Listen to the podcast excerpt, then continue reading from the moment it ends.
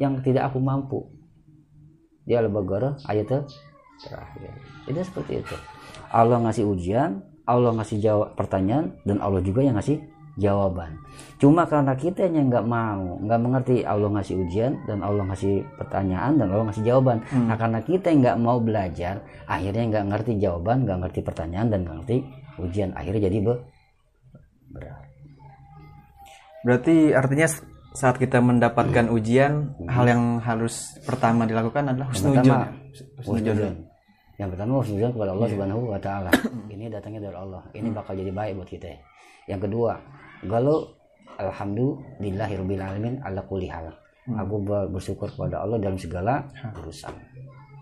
Insya Allah terbuka Bahkan kadang saya pribadi ya. Ustaz nih, itu nggak menyangka saat kita mendapatkan ujian kan awalnya kita, aduh berat banget nih, ya Allah kenapa sih dikasih kayak gini? Bahkan di